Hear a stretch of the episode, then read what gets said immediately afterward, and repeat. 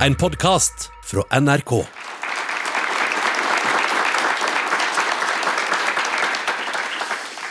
Kjære publikum, kjære lyttere på P2, kjære paneldeltakere. Velkommen til Stormen bibliotek i Bodø.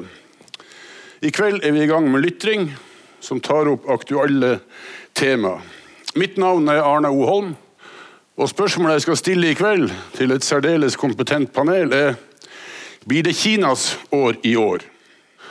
Og det er jo sånn at Man skal være ualminnelig lite interessert i politikk og økonomi hvis man ikke legger merke til at Kina for tida dominerer nyhetsbildet. Stikkordene er bl.a. handelskrig, menneskerettigheter, sikkerhetspolitikk og teknologi. Den amerikanske presidenten omtaler konsekvent korona som et China-virus. Det snakkes om en ny kald krig, om boikott av kinesisk teknologi og omfattende brudd på menneskerettigheter i kombinasjon med fortsatt internasjonal handel. Kina er altså en supermakt som alle må forholde seg til. Synet på hvordan vi skal gjøre det, spriker. og Det vil også komme frem i debatten i dag, vil jeg tro. Men hva vil egentlig Kina med oss, og hva vil de med verden? Det skal vi snakke om i dag. Og I dette utmerkede panelet som jeg har med meg her, Øystein Tunsjø, Institutt for forsvarsstudier, Henrik Stålane Him, Norsk utenrikspolitisk institutt, og Gustav Gillund, norsk student i Beijing. Så har vi Jessica Kaya Chiu, som er fra Hongkong-komiteen i Norge, og Patrick Flykt, som er bilforhandler i Bodø. Disse fem skal hjelpe meg gjennom dette programmet. og Jeg har tenkt å henvende meg først til deg, Øystein Tunsjø, som altså er en av det jeg vil karakterisere som ganske få eksperter på Kina i, i, i, Norge. Men du har vært opptatt av disse spørsmålene lenge, og er i dag en del av Institutt for forsvarsstudier, Senter for internasjonal sikkerhet. Spesielt opptatt av forholdet mellom Kina og USA. Jeg regner med du har mer enn nok å gjøre for tida, så det er veldig hyggelig at du har tid å være sammen med oss i kveld. Mange, kanskje særlig folk i nord, har et si, relativt nært forhold til begrepet kald krig. Og I forbindelse med den internasjonale konflikten vi opplever nå mellom Kina, Russland, USA, EU, så snakker mange om en kald krig på nytt. Kan du Øystein, si oss litt, hvordan oppfatter du denne konflikten? Når det gjelder dette, denne nye konflikten, så skal jeg faktisk våge meg på å introdusere to nye begreper. Eh, jeg vil da føre et argument om at vi nå ikke er i en ny kald krig, men vi er i en eh, ny superkonflikt som er preget av eh, konfliktfylt sameksistens. Som er noe annet enn hva vi hadde i den forrige superkonflikten mellom USA og Sovjetunionen, og som ble karakterisert som den kalde krigen. Og Det er en rekke grunnleggende forskjeller. Eh, dere i Nord-Norge merker jo selvfølgelig det. Altså Nord-Norge, nordområdene, Arktis eh, var jo et meget viktig strategisk område under den kalde krigen. Har eh, selvfølgelig en viktig betydning i dag òg, men, eh, men, i motsetning til f.eks. Sør-Kinahavet eller Taiwanstredet eller Øst-Kinahavet, så, så, er trykket litt annerledes rett og slett i, i våre nærområder i dag enn hva det var tidligere. Økonomisk er verden helt annerledes knyttet sammen i dag. Ideologiske rivaliseringen er annerledes institusjonene er annerledes i dag enn under den kalde krigen. Men det som på en måte er viktig å forstå, er at vi får igjen da to supermakter som eh, står mot hverandre. Og, denne konfrontasjonen her kaller jeg for en superkonflikt. Den er liksom overgripende, overordnet. Den går fra TikTok til handelskrig, til Sør-Kina-havet, til Huawei og klima og menneskerettigheter. Alt mulig. Så det er mer enn en normal, vanlig konflikt som man har i internasjonal politikk. Og den er ikke nødvendigvis en væpnet konflikt. Det er ikke alle konflikter i internasjonal politikk som blir en krig. Så, så, vi har igjen fått en superkonflikt, men det viktige da er dette med konfliktfylt uh, sameksistens. Det at uh, USA og Kina i dag er knyttet sammen på en helt annen måte enn hva USA og Sovjetunionen var i den forrige superkonflikten. Eh, hvis du skulle eh, gi deg inn på å beskrive de kinesiske ambisjonene, Tunsjø, hva, hva, er det egentlig Kina ønsker å oppnå? Nei, altså Sånn jeg ser det, så ønsker Kina på en måte å, å, å bli en respektert supermakt. Og det, sånn jeg leser det, innebærer å bli den dominerende makten i, i Øst-Asia-regionen. Finne tilbake til den posisjonen som, som Kina har hatt i, i mange århundrer. Som, som den mektigste staten, som midtens rike og en stat som er respektert eh, som det, ikke bare innenfor sin egen region, men, men også, også, globalt. Og For å oppnå dette da, så, så, må man rett og slett da presse, skyve amerikanerne ut uh, på en eller annen måte. For så lenge amerikanerne er så dominerende i Øst-Asia-regionen som de er i dag, så vil aldri Kina få den posisjonen.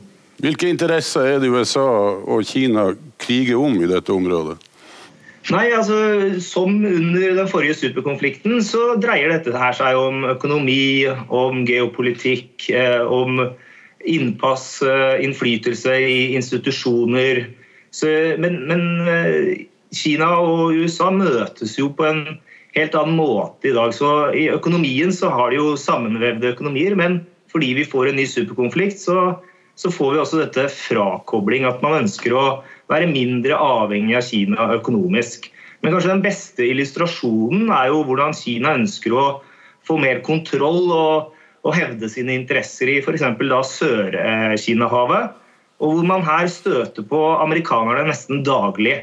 Hvis du tenker tilbake til den forrige superkonflikten og hvordan jernteppet og øst-vest-skillet delte Europa i to, og det var ingen sånn sammenblanding mellom Sovjetunionen og USA der, så står det i veldig sterk kontrast til det, vi har i dag, som er en ny sånn konfliktfylt sameksistens. Ser du eh, fra ditt uh, utkikkstårn, uh, hvis du ser på kinesisk sikkerhetspolitikk, uh, ser du noen aggressive trekk i den kinesiske oppførselen andre steder enn i sine nærområder? Nei, jeg vil ikke si at man kan karakterisere det Kina gjør som direkte aggressivt. Men, men, det jeg vil si, altså, bortsett fra da, eh, i, i, nærområdene på grensa til India eller Sør-Kina-havet eller Øst-Kina-havet Men eh, hvis du da ser til andre regioner, så vil jeg jo si at eh, Kina ikke direkte opptrår aggressivt, men de opptrer mer selvhevdende. Det betyr Kina har blitt mektigere. De har fått eh, mer innflytelse, og de ønsker å ivareta sine interesser globalt. Og Det kan de også gjøre på en rekke områder, fordi Kina har ressursene til å, til å påvirke, til å hevde interesser, til og med militært. Men ikke minst så gjelder dette økonomisk, gjennom investeringer, gjennom handel, gjennom eierskap i bedrifter osv. Jeg vil gjerne trekke inn den neste uh, paneldeltakeren som, som, er med oss, også på link. Henrik Stålhane Him. Du er ansatt ved Norsk utenrikspolitisk institutt.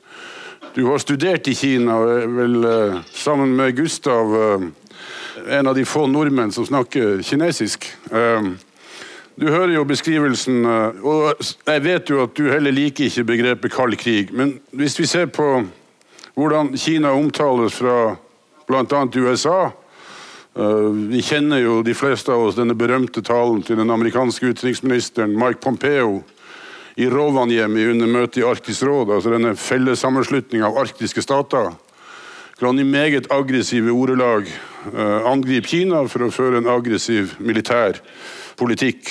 Han fikk nylig støtte fra Kenneth Braithwaite, som inntil nylig var ambassadør i Norge, amerikansk ambassadør til Norge. Som bruker formuleringer som, som på mange måter virker skremmende. Han snakker om at uh, vi hadde vært skremt dersom vi hadde vært klar over den kinesiske aktiviteten utenfor norskekysten, og ikke minst her i nordområdene. Dette er jo en karakteristikk som er i kontrast til uh, Tunsjø. Hva, hva, hva, er det amerikanerne prøver å fortelle oss her? Ja, Det er det store spørsmålet. Altså, uh, Breitweit viste jo bl.a. Uh, til sterkt kinesisk nærvær utenfor den norske kysten. og det nei, kjenner ikke jeg eh, til. Eh, det har ikke jeg sett. Jeg eh, synes vel både Pompeo Stavi Rovaniemi og disse uttalelsene fra Braithwaite var et eksempel på at man i noen sammenhenger ser at altså, amerikanerne overdriver trusselbildet fra, fra, fra Kina. Altså Arktis er et eksempel på det. Man, man er i en situasjon nå hvor eh, ting er i ferd med å bli veldig tilspisset mellom, mellom USA og Kina, hvor rivaliseringen dem imellom virkelig skyter eh, fart. Eh, og, og, I den situasjonen så er det eh, sånn at både Kina og USA er, er opptatt av å overbevise tredjeparter om at uh, man skal si, lene seg deres vei. og Man kan kalke, kanskje tolke Pompeos og, og Brightwhites uttalelse litt i den ånd. Men, men, likevel så mener jeg Arktis og trusselen Kina skulle utgjøre i Arktis, er veldig overspilt. Uh, Eh, fenomen. Altså, hvis man ser på det kinesiske militære nærværet, som det hørtes ut som Braithwaite siktet til i, til i nord, så er jo faktum at det er lik null. Kinas marine har så vidt meg bekjent aldri krysset polarsirkelen. Det kan godt tenkes at man på sikt kan få noe kinesisk militært nærvær, men, men som Øystein også er inne på, så er fokuset for Kina i overskuelig framtid, først og fremst på nærområdene, eh, dernest på Asia-Stillehavsområdet og på Det indiske hav. Arktis står mye, mye lenger ned på, på lista. Hvis vi da flytter blikket tilbake til, eh, til, til Stillehavet og, og, og, nærmere Kinas grenser, og, og, vi her konkluderer med at nei, vi har ikke en kald krig, eh, kan jeg da spørre dere begge to, hva er risikoen for en varm krig i dette bildet? I dette området? Da tenker jeg ikke på Arktis. Uh, ja, Hvis jeg skal begynne, så, så, mener jeg at risikoen for en varm krig er ikke stor. Men den er større enn hva den var i den forrige supermaktrivaliseringen mellom USA og Sovjetunionen. Uh, og hvorfor det er sånn, er fordi USA og Kina de møtes ute i det maritime domenet. Altså, De står ikke mot hverandre på landjorda i Asia. I Europa under den kalde krigen så sto amerikanerne mot Den røde hær gjennom hele Sentral-Europa. Eh, og Problemet for amerikanerne var at de var konvensjonelt underlegne Sovjetunionen. Svaret på det på slutten av 1940 og begynnelsen av 1950-tallet var atomvåpen. Massive retaliation, mutually assured destruction. Altså, vi fikk en terrorbalanse i Europa som i stor grad forklarte hvorfor Europa ble stabilt i 40 år. I Øst-Asia derimot så er amerikanerne konvensjonelt overlegne per i dag kineserne ute i det maritime domenet. Det betyr at amerikanerne trenger ikke å basere seg på atomvåpen for å avskrekke eller for å føre krig mot kineserne i Sør-Kinahavet, Taiwanstredet eller Øst-Kinahavet. Og det eh, tenker noen er en Det er kanskje bra at vi slipper atomvåpen får en sånn sentral rolle. Men det øker vil jeg si, risikoen for konflikt, fordi man kan se for seg et sjøslag i Taiwanstredet eller Sør-Kinahavet som ikke eskalerer til tredje verdenskrig, som var risikoen under den kalde krigen. Så Derfor så argumenterer jeg at eh, det er større sannsynlighet i de neste årene for at vi får en varm krig mellom USA og Kina enn det det var under den kalde krigen. Hvilke trekk er det vi må se etter for å spå mer konkret, eller hva er det som kan utløse den, den varme krigen? Uh, vi har nå en konflikt som dreier seg om Hongkong, bl.a. Uh, vi har Taiwan, som kan utvikle seg. Vi har Nord-Korea. Uh, altså, hvilke utviklingstrekk er det som, som gjør at vi kan nærme oss en varm krig? Henrik? Eh, alt dette er konfliktområder eh, som eh, man kan se for seg at, eh, altså, hvor en situasjon kan oppstå.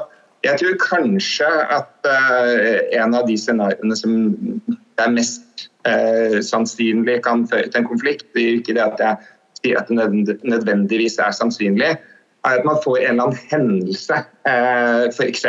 i Sør-Kinahavet, som ikke nødvendigvis er, å si, Eh, intendert fra noen side i, i utgangspunktet, eh, men som skaper et eskalasjonspress. Og vi vet at vi har hatt den type hendelser i eh, Sør-Kinahavet tidligere. I 2001 blant annet så kolliderte et amerikansk fly med et kinesisk jagerfly i Sør-Kinahavet. og Den gangen klarte man å deeskalere den situasjonen. Men når de to landenes eh, opererer tett på hverandre, eh, så er faren for at man kan få en sånn type situasjon absolutt til stede. Bare, la meg bare velge. Jeg deler Henriks syn på at risikohåndteringen er vanskeligere etter hvert som det blir mer aktivitet, og også etter hvert som spenningen oppstår. Men, men mitt argument er egentlig litt annerledes. Det går på at en konflikt vil kanskje ikke oppstå pga. en hendelse, men rett og slett pga. maktbalansen endrer seg så mye at enten Kina føler seg mektig nok til å prøve å gjenerobre Taiwan, eller amerikanerne føler at nå er det på tide at vi rett og slett prøver å stoppe kineserne militært. Fordi om fem år, ti år eller 20 år så er det for seint. Eh, sånn at jeg tror det grunnleggende eh, forklaringen for en potensiell konflikt mellom to supermakter er ikke bare en hendelse, men det er en, en grunnleggende forståelse av at maktbalansen er i endring. Jeg har lyst til å, å, å, trekke deg inn, Jessica, hvis jeg får lov å bruke fornavnet ditt. For jeg er en av de mange nordmenn som ikke snakker kinesisk. Og du har et enklere fornavn enn du har, enn du har andre navn. Sånn som jeg forstår det, selvfølgelig mest opptatt av situasjonen akkurat nå mot Hongkong. Ser du konfliktområder her som kan eskalere utover Hongkong? Um, inni Hongkong så ser vi at situasjonen blir dårligere og dårligere hver dag. Um, som man ser tilbake for et år siden, i juni 2019, så Hongkong var egentlig fortsatt en by som har uh, ytringsfrihet, uh, pressefrihet, forsamlingsfrihet. Og hadde et uh, valg i november, og så kan man um, velge sin uh, lokalstyre. Men for akkurat nå, når den nye sikkerhetsloven som har blitt promulgert i Hongkong, så har vi mistet disse frihetene. Også når man står og kritiserer eh, myndighetene, så kan man risikere å bli fengslet. Så ja, det er men tror du også dette uh, kinesiske ønsket om en sterkere kontroll, for å si det forsiktig og mildt, med, ja. med Hongkong kan eskalere til å gjelde også andre land, som Taiwan eller Nord-Korea? Um, vi får se at um, som jeg forstår, så vil Kina bruke Hongkong som en modell til å um, få tilbake uh, Taiwan. Uh, eller ha en som et land-politikk som ivaretar Taiwan som en del av Kina.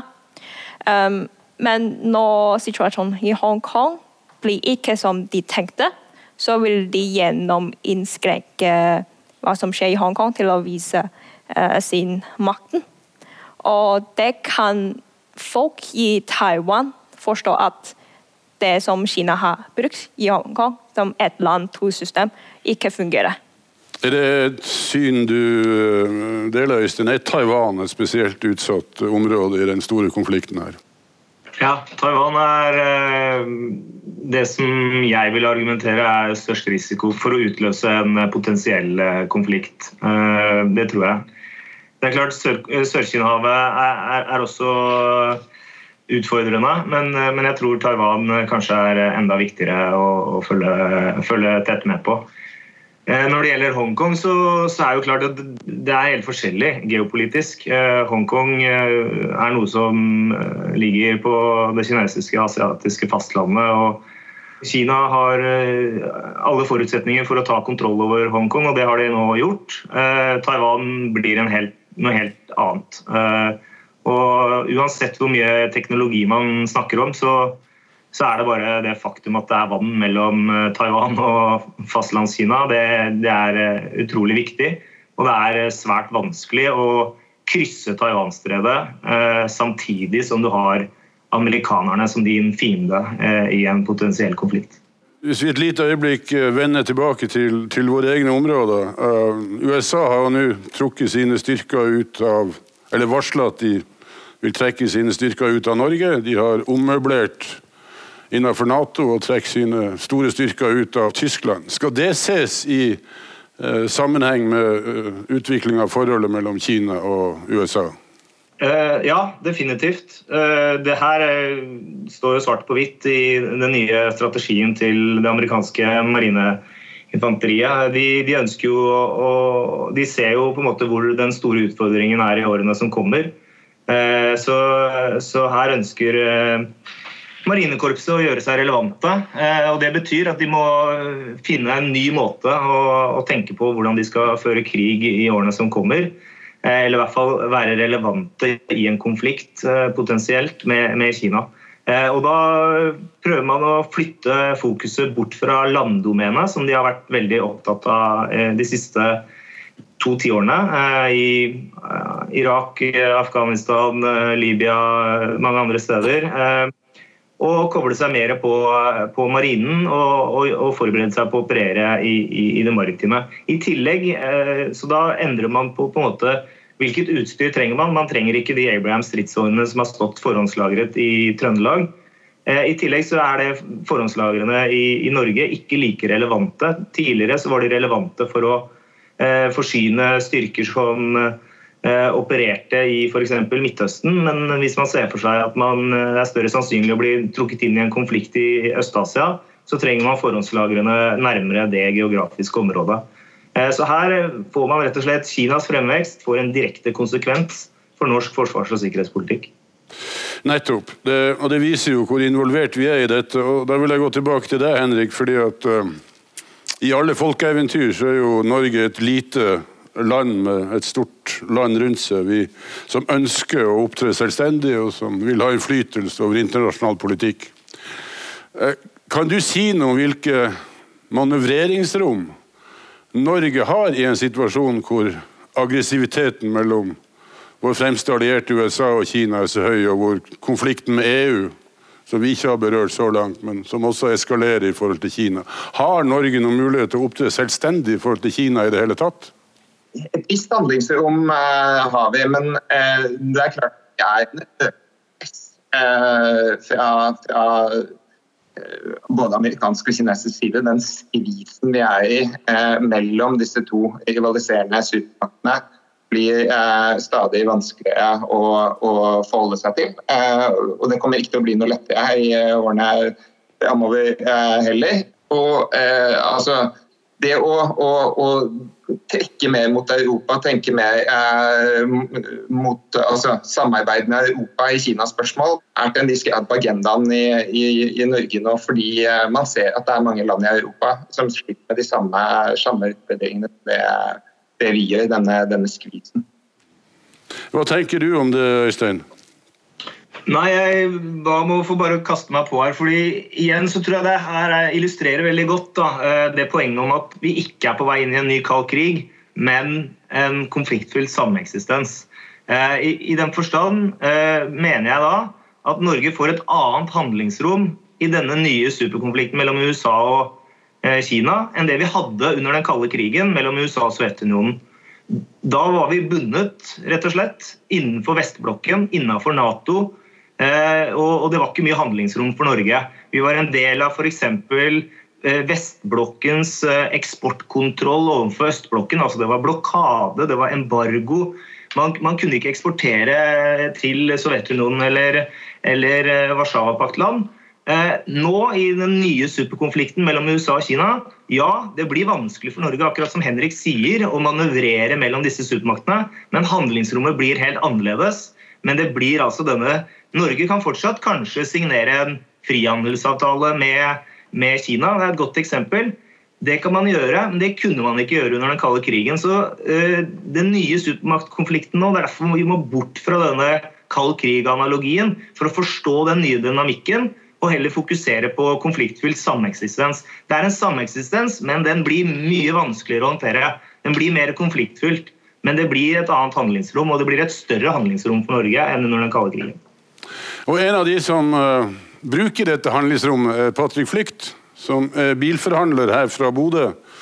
Som i lang tid har solgt det som jeg tror er japanske biler. Uh, men som nå også kaster seg inn på uh, det kinesiske, ikke kinesiske bilmarkedet, men som skal importere og, og begynne å selge kinesiske biler.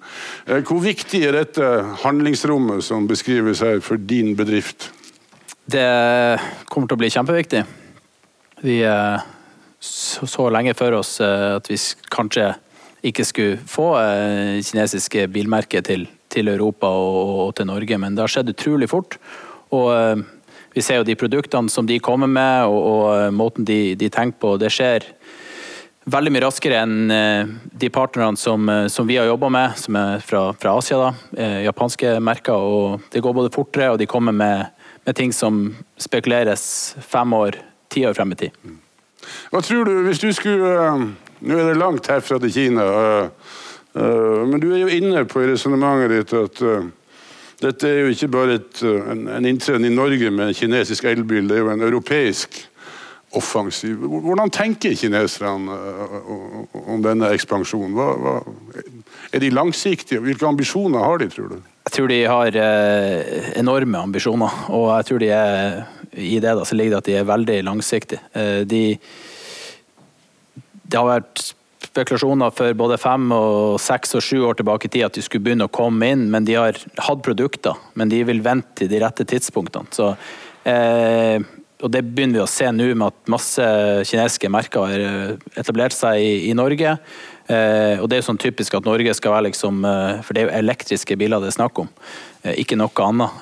Og det er sånn typisk at Norge da skal være foregangslandet som det er i, i, i Europa da, og, og resten av EU og sånt. Så jeg tror det blir eh, de har, de har sine planer, de tror jeg er enorme. Så det er, det er jo skremmende å høre hvor det er jo utrolig stort. Eh, vært bilforhandler i familien da i 30-35 år og eh, aldri eh, vært en del av sånn her. Men det er jo sånn man eh, Da føler man jo at man har valgt noe rett i forhold til når det kommer til salg. Så eh, vi, eh, vi, har jo trua på det produktet som vi, som vi får. Ja, for hvis du kan være objektiv, og det vet jeg ikke om bilselgere kan være, men men, men dette produktet her, det er fullt på høyde med vestlig teknologi skal man være forsiktig med å uh, selge meg en bilselger, skal man være forsiktig med å, skryte av noe som man ikke har fått, ikke har blitt prøvd i, i nordisk klima og, og, og sånne ting. Men absolutt de dataene vi har fått, og prisene ikke minst, og, og det, de produktene og den utviklinga som er i denne bransjen, så, så kommer de mange hestehoder foran mange både europeiske og asiatiske merker. Tror du kineserne har ambisjon om å overta det europeiske bilmarkedet? Konkurrere ut europeiske bilprodusenter? Tenker de så stort? Nei, Jeg tror de har bare lyst til å være en del av det og, og gi dem en, en, en, kraftig konkurranse og vise at her er vi. Ehm, men eh, de kommer jo med mye, eh, sånn som merket vi skal representere. De kommer jo både med busser, lastebiler. altså Det er ikke bare biler. Så det er De har nok en, en tanke å gå inn i, i, i, store deler av Europa på ikke bare på bil, bilhandel. Nå er det jo mye diskusjoner. Vi skal, jeg skal stille spørsmål til, til andre her om det like etterpå, men det er, jo, det er jo veldig mye snakk om sikkerhet knytta til kinesisk teknologi. Eh, best illustrert ved en Huawei-telefon som teknologisk nå stenges ute fra, fra, både amerikansk og europeisk marked. Når jeg ser på den bilen du skal selge, så ser jo det ut som en Huawei på fire hjul. Eh, kan vi komme i samme diskusjon eh, på sånne produkter òg, tror du? Det tror jeg absolutt. Og eh, her gjelder det bare å, å, å følge med og, og, eh, se hvordan, hvordan produktet er, og hvordan vi er avhengig av å ha et produkt som kan snakke med ikke bare de produktene som kommer fra den delen av verden. Vi er avhengig av et produkt som kan snakke med iPhone og alt mulig for at de skal være kompatible. Så det blir, det blir veldig spennende. Det blir det. Hvis jeg får lov å gå tilbake til deg, Henrik, i forlengelsen av, av dette. Så hvis vi ser på ikke det vi importerer fra Kina, men de kinesiske investeringene i, i Norge og, og, andre europeiske land. Altså her, her vi står nå, i Bodø, så har vi store kinesiskeide industribedrifter bare noen få mil nordover. og Flytter vi oss sørover, så har vi det samme uh, rundt et område i Mo i Rana. Kinesiskeide Elkem. Hvordan uh, forholder altså hvordan denne diskusjonen om sikkerhet kontra det å akseptere uh, kinesiske investeringer i, i, i Norge. Hvordan Fins det noen definisjon, fins det noen katalog, fins det noen oppskrift på hvilke kinesiske bedrifter vi tillater, og hvem vi sier nei til? Det er et spørsmål som eh, står høyt på agendaen både i Norge og i mange europeiske land nå, dette med investeringer og sikkerhet. Tradisjonelt har ikke dette vært noe problem, fordi eh, utenlandsinvesteringer har gått fra vestlige land til andre vestlige land og til utviklingsland, for å si det litt forenkla. Det er i og for seg et helt nytt fenomen at man har en, en aktør som Kina som begynner å bli en ganske betydelig investor eh, i Norge og i Europa generelt. Det er en utvikling som skjøt fart særlig etter 2010. Så, så, det er veldig mange europeiske land som nå eh, begynner å etablere eh, ordninger for å eh, kartlegge investeringer, og eventuelt, dersom man mener at de eh, kan ha en negativ påvirkning på, på eh, nasjonal sikkerhet, også kunne stanse dem. I Norge så har man den nye sikkerhetsloven som gir adgang til noe av det samme. Men eh, det er veldig krevende, det er veldig vanskelig. fordi altså, Hvordan man definerer sikkerhet, hvordan man definerer f.eks. kritisk infrastruktur. Eh, hvor mye eierskap som kan være problematisk. Det reiser en hel masse spørsmål. Eh, hvem skal kunne ha adgang til å, til å bestemme? Eh, det er jo forskjellige løsninger i forskjellige land. Er det har sikkerhetstjenestene noen rolle? Hvilken rolle har de relativt til si, eh, finansdepartementene i de ulike, ulike landene? Så der, ja, Man er litt i startgropa i, i uh, store deler av Europa, og, og, et stykke på vei uh, også i Norge. Men det er en sånn diskusjon som tvinger seg mer og mer fram når man ser at Kina blir en betydelig investor. Og også fordi man ser at altså, forholdet mellom stat og selskap i Kina det blir bare eh, tettere. Det er, eh, har alltid vært vanskelig å skylde private kinesiske aktører fra, fra, staten, men det er eh, bare blitt vanskeligere under, under Xi Jinping de siste, siste, årene. Og Da beveger vi oss jo litt inn på at dette på mange måter overlates til, til næringslivet sjøl, på et eller annet vis. Og, og nå har vi jo Jessica her som kan si litt om hvordan den diskusjonen om frihandelsavtale og disse tingene henger sammen med uh, det kinesiske styresett. Og vi er så heldige at vi har han Gustav Gillund som sitter og fortsatt er våken i Beijing, som kan gi oss litt rapport fra innsida fra, fra Kina. Men, men, først til det, Jessica. Hva, hva tenker du om norsk næringsliv som norsk politikk forhold til, til Kina?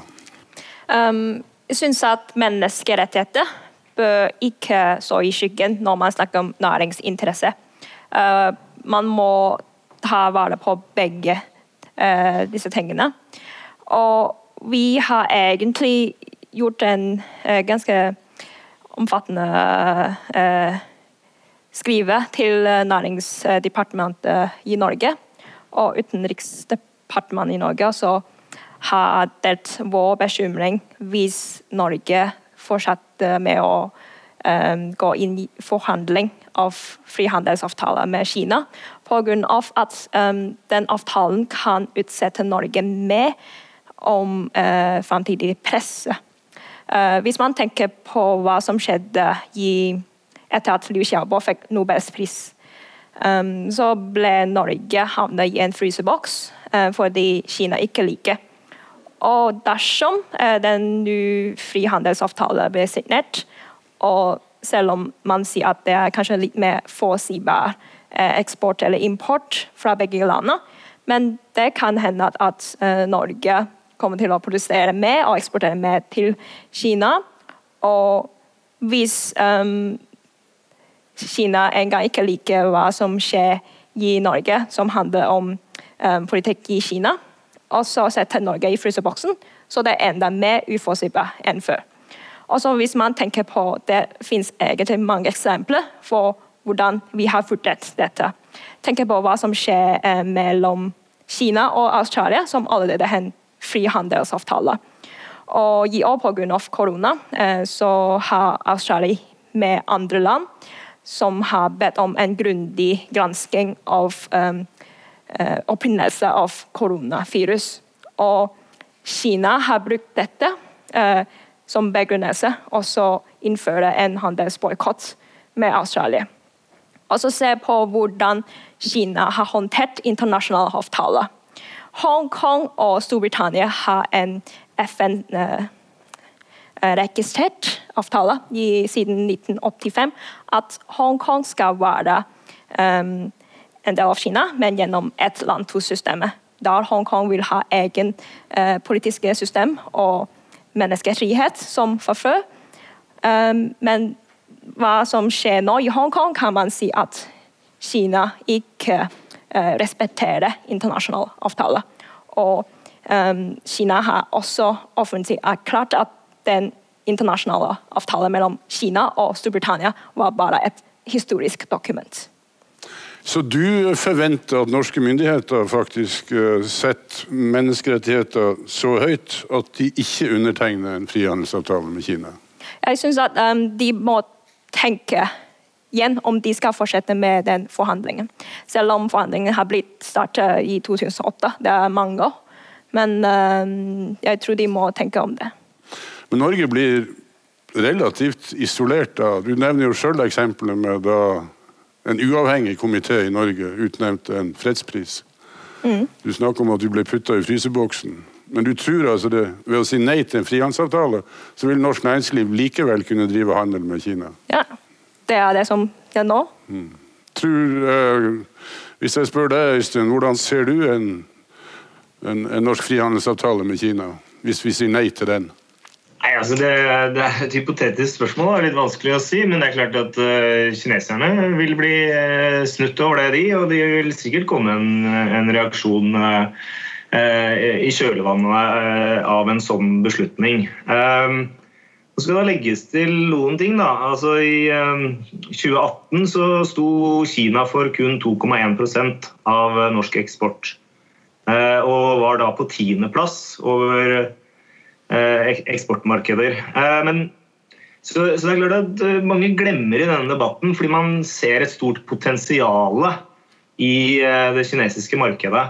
Men USA er jo desidert Norges viktigste økonomiske partner, og ikke minst vår viktigste sikkerhetspolitiske alliert.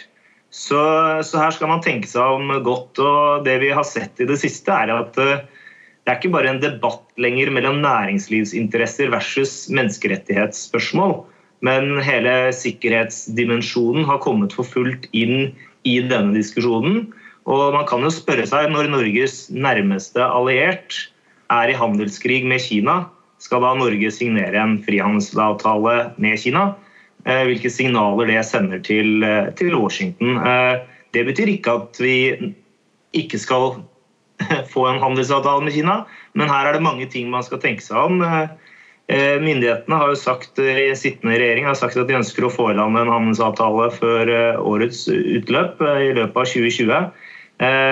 Nå er det både spenningen i USA-Kina-forholdet, men også koronakrisen har gitt noen lærdommer som jeg tror regjeringen har, i hvert fall har ført til at regjeringen har tenkt seg om nå to ganger om hvordan type frihandelsavtale man skal inngå.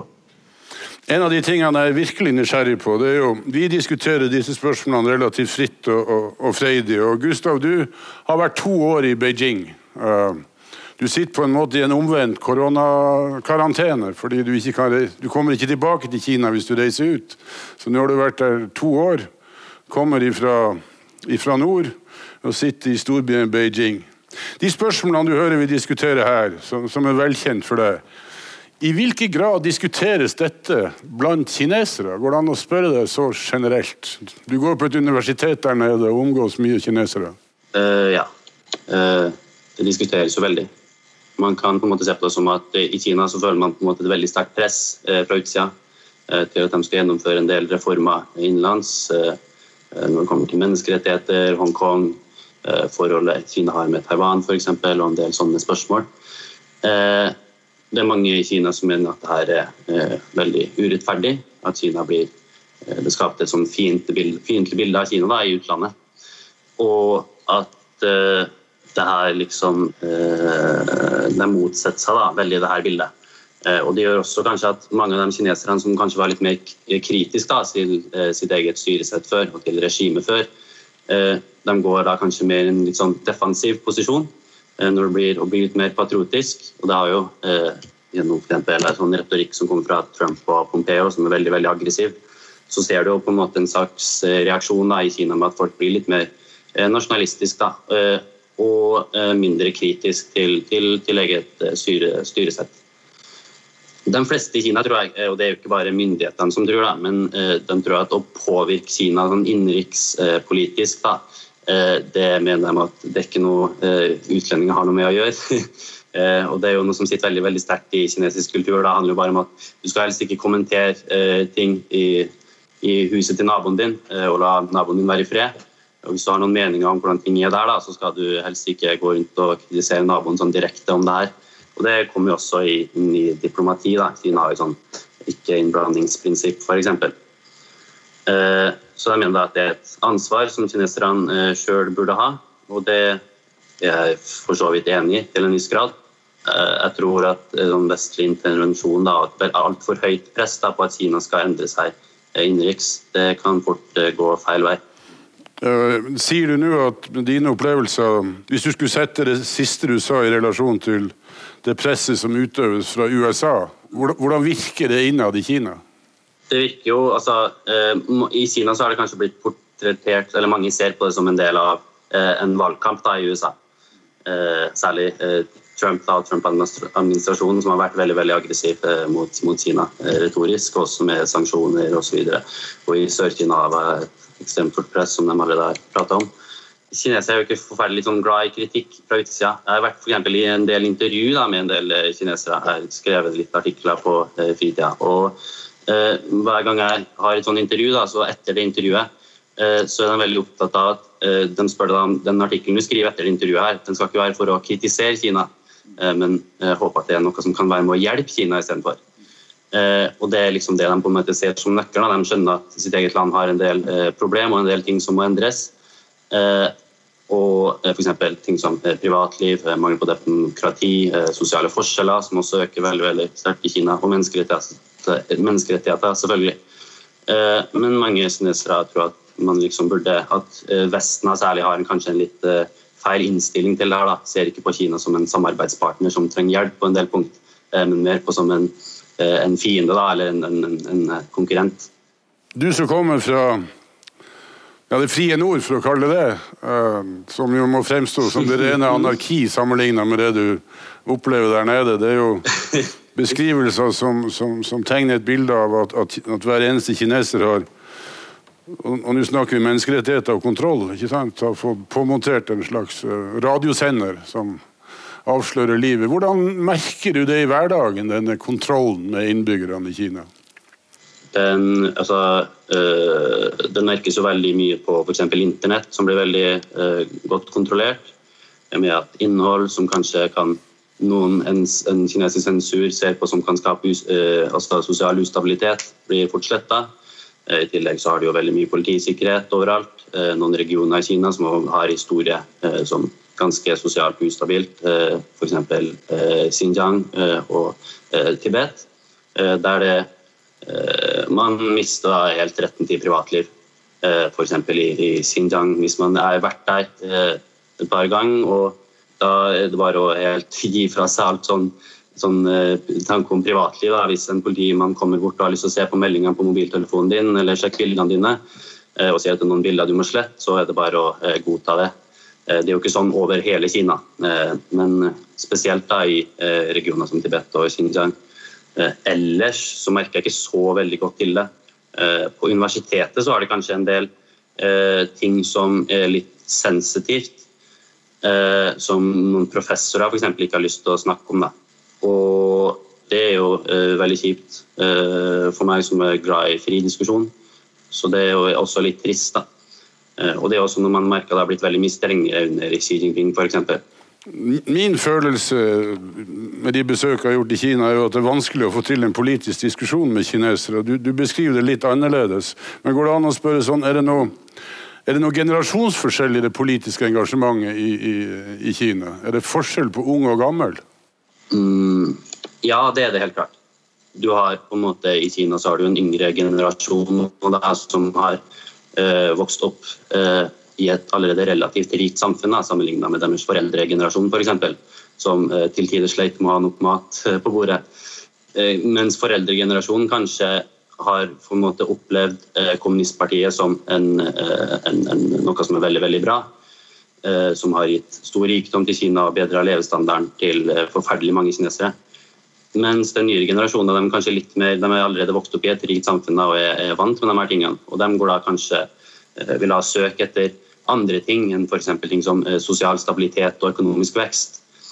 Og kanskje har lyst til å uh, utforske ting som uh, demokrati da, og ytringsfrihet, som det er veldig, veldig mange som gjør. Men den, denne generasjonen da, som eksisterer allerede i veldig, veldig stor grad, uh, som er godt oppdatert på hvordan vi i Vesten har det, og frie samfunn, hvordan det fungerer, det er også en generasjon som jeg merker har tendens til å faktisk snu på noen av de her tingene. Og snu seg faktisk mot vestlige verdier. Da. Fordi at de opplever det som jeg sa i sted, da, at eh, det er et veldig, veldig sånn urettferdig press på utsida. At Kina f.eks. i vestlige medier ikke blir presentert eh, veldig balansert. At menneskerettigheter, eh, finans, eh, økonomi, eh, militære og alt det her, geopolitikk, blir, det blir lagt veldig, veldig mye vekt på de her tingene. Mens den vanlige kineseren føler seg veldig underrepresentert. Da. og så Eh, så da blir det på en måte en slags sånn eh, motreaksjon. Da, der du, som jeg sa i sted, at eh, mange kinesere var, eller unge også kinesere har en tendens til å bli mer nasjonalistisk, mer patriotisk og mindre kritisk til sitt eget styresett. Mye av den teknologien vi diskuterer som nå um, forbys og prøver å begrenses ute, det er vel en helt daglig del av livet ditt, som WeChat, som vel organiserer livet til de fleste kinesere. og Eh, hvordan oppleves det å være så avhengig av en teknologi som verden vil stoppe, for å sette det litt på spissen? Uh, forferdelig praktisk.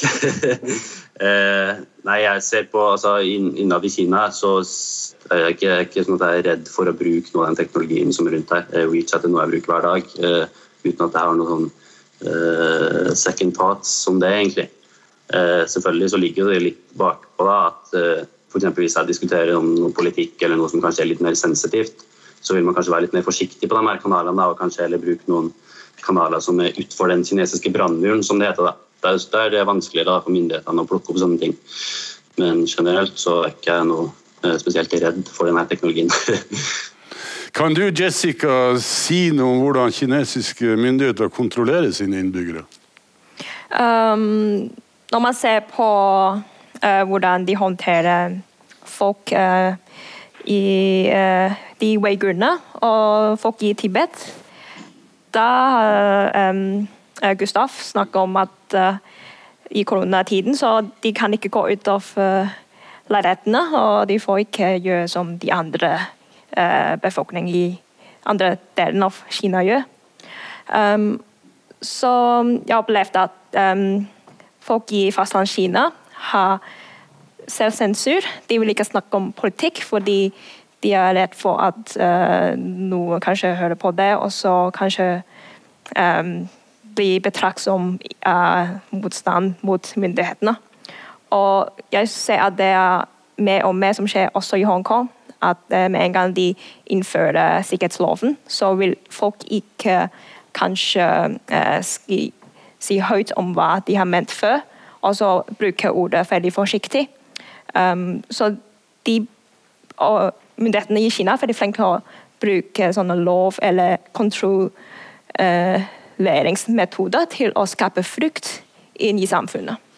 Hvis vi går ut av Kina igjen, holdt jeg på å si. Det er ikke det vi gjør. Vi er i Kina hele tida denne, denne, timen her på P2. Um, men Øystein, tilbake til det. For det er jo ett forhold vi ikke har snakka om. Vi har snakka mye om Vestens forhold til, eh, til Kina USAs forhold til Kina. Så spekulerer jeg på hvilke navn eller beskrivelser man skal gi på forholdet mellom Russland og Kina. Hvordan vil du beskrive det forholdet? Nei, Det offisielle navnet som Kina og Russland bruker, er strategisk partnerskap. og Jeg syns det funker godt. Ja. Forholdet mellom Kina og Russland eh, har aldri vært så godt som det det er i dag. Eh, så hvis man tenker opp gjennom historien, så er jo det eh, en god ting. Eh, og de fortsetter å samarbeide tett, og de gjør det på nye områder. Så Tradisjonelt så har de jo så du ser de siste tiårene samarbeida først om å få på plass en grenseavtale og få stabilisert på en måte grensa, som var lenge konfliktspørsmål. Så samarbeida de om det de kaller separatisme og ekstremisme, eh, som, de har litt felles interesser når det kommer til eh, terrorister eh, med, med, og islamister. Eh, men også form for separatistgrupper. Så her har de delt interesser. De har hatt felles interesser i FN og, og Sikkerhetsrådet. De har drevet tradisjonelle militærøvelser sammen. Våpeneksporten har vært der, men alt har nå blitt intensivert. Da. Man har tatt det til et nytt nivå. Man samarbeider på ganske sånn sensitiv teknologi, f.eks. når det kommer til missilforsvar, tidlig varslingssystemer, som da dreier seg om å samarbeide på radarer, sensorer, på satellitter osv. Det er tidlig, men, det signaliserer at dette forholdet er veldig tett og nært. og Det er jo mange årsaker til det, men de to viktigste er jo selvfølgelig at Kina er i konflikt med USA, og at Russland selvfølgelig har vært sanksjonert etter Ukraina 2014 og på en måte derav har blitt presset tettere mot Kina. Så det har litt karakter av... Spørsmålet hvor lenge dette vil vare, selvfølgelig. Har det litt karakter av et tvangsekteskap? Um, ikke et tvangsekteskap, vil jeg kalle det. Jeg vil kalle det faktisk at de har felles, grunnleggende felles interesser på, på nåværende tidspunkt. Og Det har de hatt de siste tiårene. USA har vært en dominerende makt. og Både, og, nei, både Kina og Russland har vært opptatt av å prøve å, å begrense den makten. Og, og, de har hatt felles interesser i det.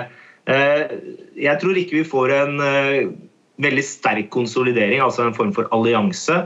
Du vil aldri se, er min spådom, Kina gå ut og si at de vil støtte Russland i en potensiell konflikt med Nato i Europa. Eller Russland går ut og sier at de vil støtte Kina i en konflikt med USA i Taiwanstredet.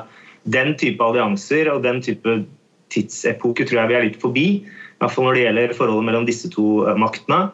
Men at de vil fortsette å, holde på dette strategiske fellesskapet, partnerskapet, det, det tror jeg vi, vi, vil se.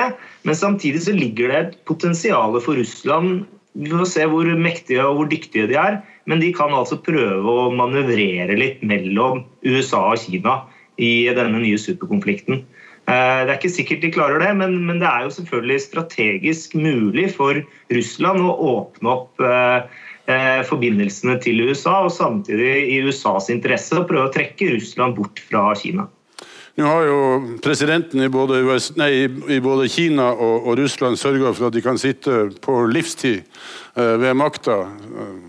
Donald Trump lefler vel med tanken, han også, så vidt jeg har lest av, av overskrifter. Eh, betyr det noe i denne sammenhengen, at det er to ledere som nå kjenner hverandre ganske godt, som skal regjere veldig lenge sammen?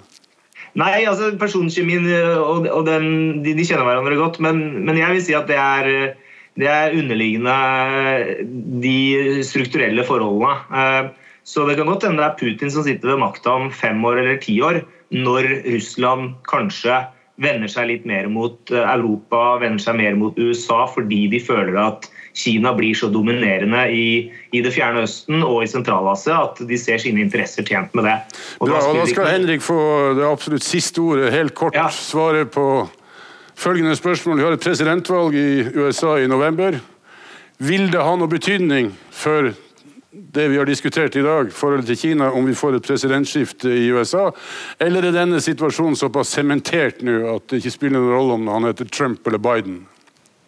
Det vil ha noe å si, men mindre enn man kanskje skulle tro. Fordi det er, det er, politisk konsensus i uh, USA om at, uh, eh, USA om at, Kina er en fremtidig rival som man uh, må hanskes med. Den enigheten den går på tvers av skillelinjedemokrater og republikanere. du ser den også altså, blant flere grupper i USA. Tradisjonelt så har på en måte Eh, big Business vært en, en støttespiller for et tettere forhold til Kina, men skepsisen i, i det amerikanske businessmiljøet til, til Kina er eh, styrka. Du har på en måte eh, en bred konsensus i USA om at eh, Kina er en langsiktig valg. Eh, der det kan tenkes at det vil være noen forskjeller, det er eh, altså, en demokratisk president, eller Biden, som det jo i praksis vil bli, vil nok være mer opptatt av samarbeid med Kina på enkelte områder, f.eks. når det gjelder eh, klima. Eh, jeg må, stoppe deg der, eh, jeg må stoppe deg der, Henrik. Eh, Jeg vet ikke om det var en optimistisk eller pessimistisk slutt, men jeg sier i hvert fall tusen takk til panelet. eh, Tusen takk til publikum i Bodø, og tusen takk til eh, P2 sine lyttere. Takk for i dag.